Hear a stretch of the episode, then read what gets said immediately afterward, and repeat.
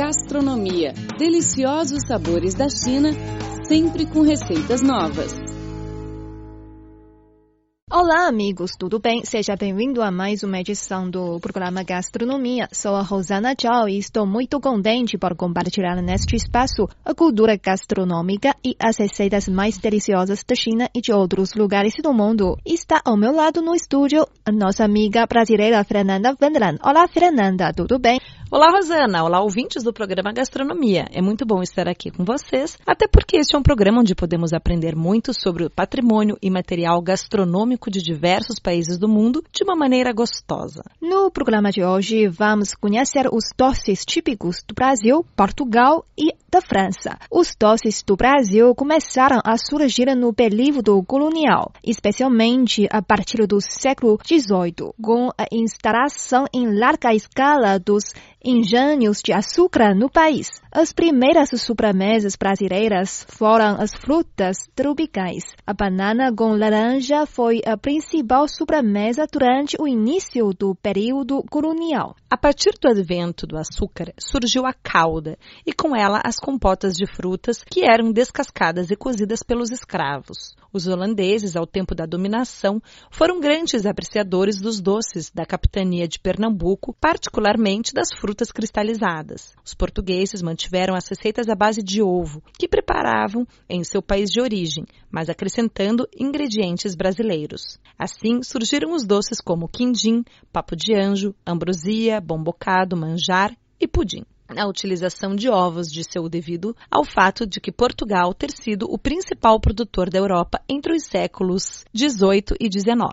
Em cada região do país foram então se desenvolvendo receitas típicas de acordo com os alimentos que era encontrado em abundância em cada lugar. Assim, o hábito de se comer determinados tipos de doce passou a fazer parte dos costumes locais, fazendo das sobremesas parte importante da culinária brasileira. Segundo publicação do Ministério da Educação, nas casas grandes das fazendas produtoras de açúcar, as senhoras ensinavam as escravas a fazer doces que uniam a fartura do açúcar, obtido a partir da evaporação da cana-de-açúcar. De acordo com a publicação do Ministério da Educação do Brasil, existem mais de 100 tipos de frutas diferentes no país. Pêssego, goiaba, morango, uva, abacaxi e banana, por exemplo, são comumente usadas para produzir geleias e compotas. Mas há tantas outras que quem mora mais ao sul pode nem sequer ter provado, como o açaí, capuaçu e o tamarindo, típicos das regiões mais ao norte. As cozinhas das senhoras das casas grandes, as escravas, levavam ainda a farinha de mandioca, o fubá, a abóbora e o cará. E de lá saíram as ambrosias, doces de abóbora e de banana, cocadas, merengues e tapiocas. Disse que o imperador Dom Pedro II adorava doce de figo e que Rui Barbosa era fã de doce de batata. A seguir, vamos conhecer alguns doces típicos em diversas regiões do Brasil. O bolo de rolo e bolo Souza Leão são muito famosos em Pernambuco, nordeste do país. A massa é feita com farinha de trigo, ovos, manteiga e açúcar. Essa massa é enrolada com uma camada de goiabada derretida, dando a aparência de um rocambole, embora dele difira em vários detalhes, especialmente no preparo específico no bolo de rolo e completamente diferente do bolo suíço, com as camadas de massa e goiabada bem finas e o sabor característico. O bolo Souza Leão é um dos mais antigos doces do Brasil e recebeu o título de Patrimônio Cultural e Imaterial do Estado de Pernambuco. Acredita-se que a receita já seja conhecida desde a primeira metade do século XIX e tenha sido introduzida na história da culinária pernambucana por intermédio de Dona Rita de Cássia Souza, Leão Bezerra Cavalcante, esposa de um coronel proprietário de vastos engenhos na região de Jaboatão dos Guararapes. O bolo Souza Leão tem forte presença nos cardápios dos restaurantes de comida regional de Recife. A iguaria é preparada segundo uma receita que inclui massa de mandioca, leite de coco, açúcar, manteiga e ovos. O resultado é um bolo cremoso com a consistência de um pudim muito firme. Alguns dos ingredientes do bolo Souza Leão eram originalmente europeus. Estes, com o passar do tempo, foram substituídos por produtos nacionais. O brigadeiro é um doce típico da culinária brasileira, de origem paulista, o qual rapidamente se difundiu pelo resto do país, tornando-se comum em todo o país a sua presença em festas de aniversário, junto com doces como o gajuzinho e o beijinho. Os ingredientes do brigadeiro são leite condensado, chocolate em pó, manteiga e chocolate granulado para a cooperatura. Pode ser feito tanto no fogão quanto no forno de micro-ondas. O pé de moleque é um doce típico da culinária brasileira, feito a partir da mistura de amendoim torrado com rapadura. O doce surgiu em meados do século XVI com a chegada da cana-de-açúcar à capitania de São Vicente, trazida pelo navegante Martim Afonso de Souza. Popular no Brasil, a cidade de Piranguinho, no sul do estado de Minas Gerais, é famosa pela produção artesanal da guloseima ao estilo mineiro, a qual tem como lema ser a capital nacional do pé de moleque. O doce pode ser encontrado ainda na literatura, tal como o dialeto caipira de Amadeu Amaral, a referência ao pé de moleque. Em 1983, Carlos Dumont de Andrade se referiu ao pé de moleque como sendo a pura joia mineira.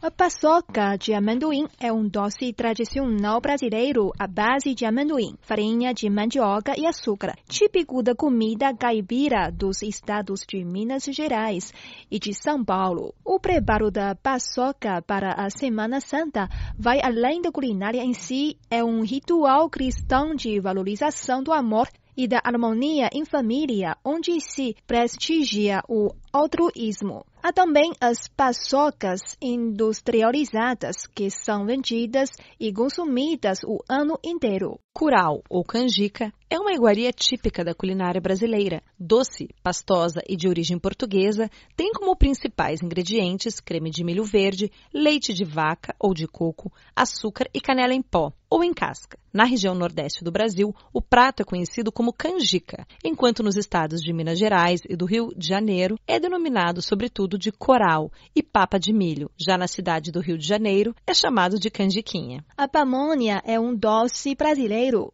comum nos estados do Nordeste e ainda em Goiás, Mato Grosso, Minas Gerais, Paraná, São Paulo e Tocantins, provavelmente descende da culinária indígena. A forma de preparo da pamonha, comum a várias receitas, é a seguinte. O milho verde é ralado e a massa resultante são misturados leite, sal ou açúcar, manteiga, canela e erva doce. Esta massa é colocada em tubos feitos com a própria casca do milho, atados nas extremidades. As pamonhas são submetidas a cozimento até que sua massa alcance uma consistência firme e macia.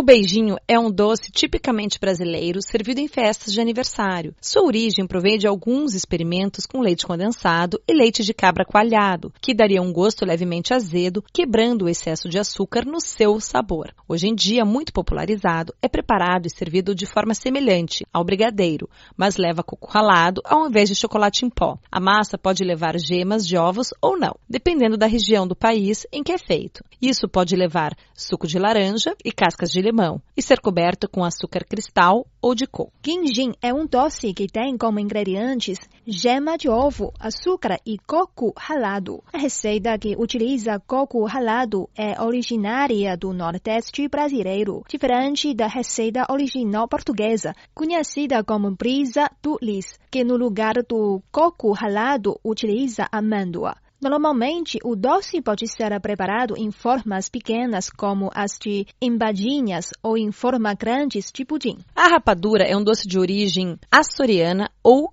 canária, em forma de pequenos tijolos com sabor e composição semelhante ao açúcar mascavo. Fabricada em pequenos engenhos de açúcar, surgiu no século XVI como solução para transporte de açúcar em pequenas quantidades para uso individual. A rapadura é feita a partir da cana-de-açúcar após moagem, fervura do caldo, moldagem e secagem. É considerado um elemento com maior valor nutritivo que o açúcar refinado, pois, enquanto este é quase exclusivamente sacarose, a rapadura possui outras substâncias nutritivas em sua composição. O pudim é preparado em diversos países e tem os mais diversos sabores. E consistências. No Brasil, o pudim de leite condensado com calda brilhante de caramelo é muito típico, feito basicamente de milho verde, leite e açúcar. O curau é assim chamado no sudoeste, mas no nordeste do país é mais conhecido como canjica. O doce que acompanha o brigadeiro nas festas infantis também nasceu no Brasil.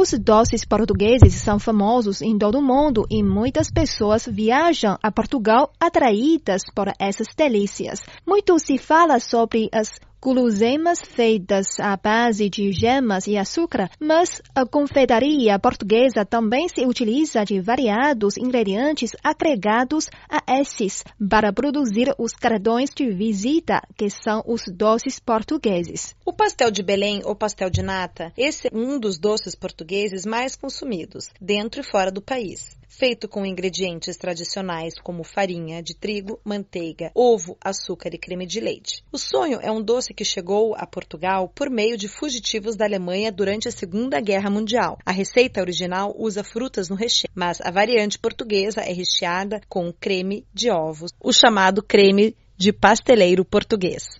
Em Portugal, tradicionalmente, o consumo dessa iguaria é maior durante o verão, época do ano em que é comum ver muitos vendedores ambulantes de bolas de Berlim pelas ruas, praias e parques. Os tradicionais ovos moles de Aveiro são constituídos por uma pasta feita com gema, açúcar e água, envolta por uma massa fina. O doce é moldado com motivos marinhos como conchas, ostras e estrelas do mar. Sua tradição em Portugal é da manha, que ele somente é feito lá, tendo até uma lei que garante essa condição. A medida é para evitar que a receita saia dos domínios culturais portugueses e perdure ao longo do tempo. A tarte é um tipo de torta feito com chocolate e frutas, mas a mais requisitada é a de amêndoa. Ela tem uma crosta de melado crocante que dá um toque especial ao doce. A tarte é facilmente encontrada nos cafés e dostarias de Portugal. Um creme de ovos de amêndoa, dentro com um embrulho de massa folhada envolta no açúcar. Esse é o travesseiro de Sintra. O doce geralmente tem o mesmo formato de um travesseiro e abre o apetite apenas por sua aparência. O guardanapo é um doce clássico encontrado em todas as regiões de Portugal. A comida tem esse nome por ter formado quadrado e ser servido dobrado, como um guardanapo. É uma massa de bolo fofa e fina, recheada com creme de ovos. A gastronomia francesa possui recolhimento e prestígio no mundo inteiro. É enorme a variedade de pratos, queijos, doces e técnicas de cozinha da França. Macarão é um dos doces mais típicos da França. A sobremesa é uma das melhores invenções francesas na área da gastronomia. Há algumas poucas pessoas que não gostam, mas ao menos provar. Não deixe de provar quando for a Paris. Mil folhas é um dos doces típicos franceses que é também muito difícil não gostar, pois ele é muito leve e possui o doce na medida certa, sem ficar enjoativo. Porém, há diferenças bastante grandes em diferentes cafeterias de Paris. É melhor observar se a massa é fina e leve, pois as melhores mil folhas possuem esse tipo de massa bem fácil de partir com a faca. Profiteroles é também um doce bastante famoso e típico da gastronomia francesa. A mesma massa que se faz bolinhas de profiteroles é usada para fazer os famosos eclairs franceses. E as bolinhas de profiteroles geralmente são recheadas com creme e servidas com sorvete e uma calda quente de chocolate. O crepe é um dos doces típicos franceses que mais se popularizou no mundo todo. O crepe mais típico na França é o crepe Suzette, que leva uma calda de laranja flambada. Outro crepe mais comum é recheado com calda de chocolate, acompanhados com uma ou duas bolas de sorvete. A eclair é um doce bastante típico na França e sua fama já corre o mundo todo. A massa de eclair é a mesma usada para fazer as bolinhas de profiteroles.